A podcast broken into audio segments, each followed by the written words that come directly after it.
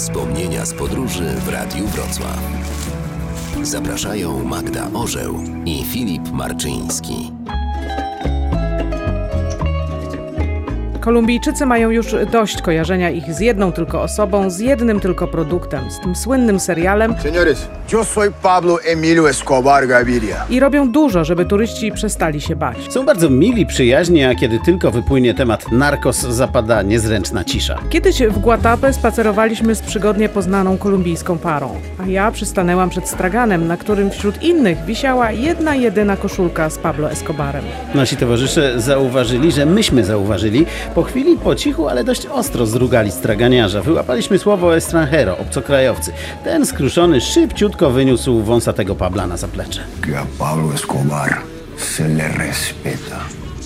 Podróżowaliśmy wynajętym samochodem po wschodniej Kordylierze, na północ od Bogoty, między innymi do malowniczego Villa de Leyva. Niestety pojawiło się poważne opóźnienie, bo akurat był sezon na samochodowe procesje poruszające się w żółwim tempie za samochodem platformą z wielką figurą Matki Boskiej, świecącą milionem wielobarwnych światełek. Tysiące głośników na full grało dziękczynne hymny, a pasażerowie samochodów przystrojonych balonikami przyjaźnie do nas machali. Wszyscy nas pozdrawiali.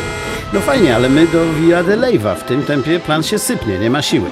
Na szczęście na parkingu przy stacji benzynowej zaplanowano mszę, więc jakoś się przebiliśmy. Spóźnienie było znaczne, a przy tym okazało się, że w De Leyva jest akurat odpust. Fantastyczny kolonialny rynek, cały zastawiony straganami, karuzelami, trampolinami i wszystkim innym. Trochę pech.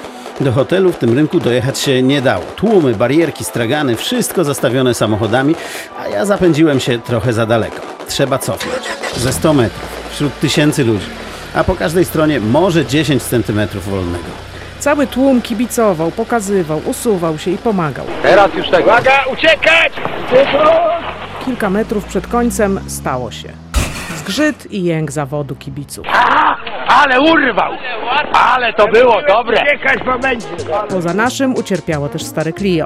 Miejscowi jednak ze zrozumieniem smokali nad naszą Szkodą. A Jezus Maria!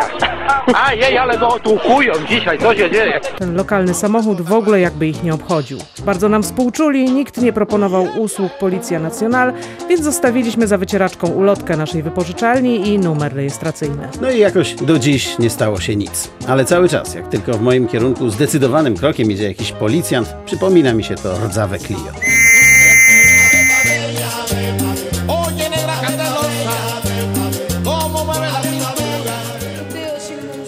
Wspomnienia z podróży w Radiu Wrocław.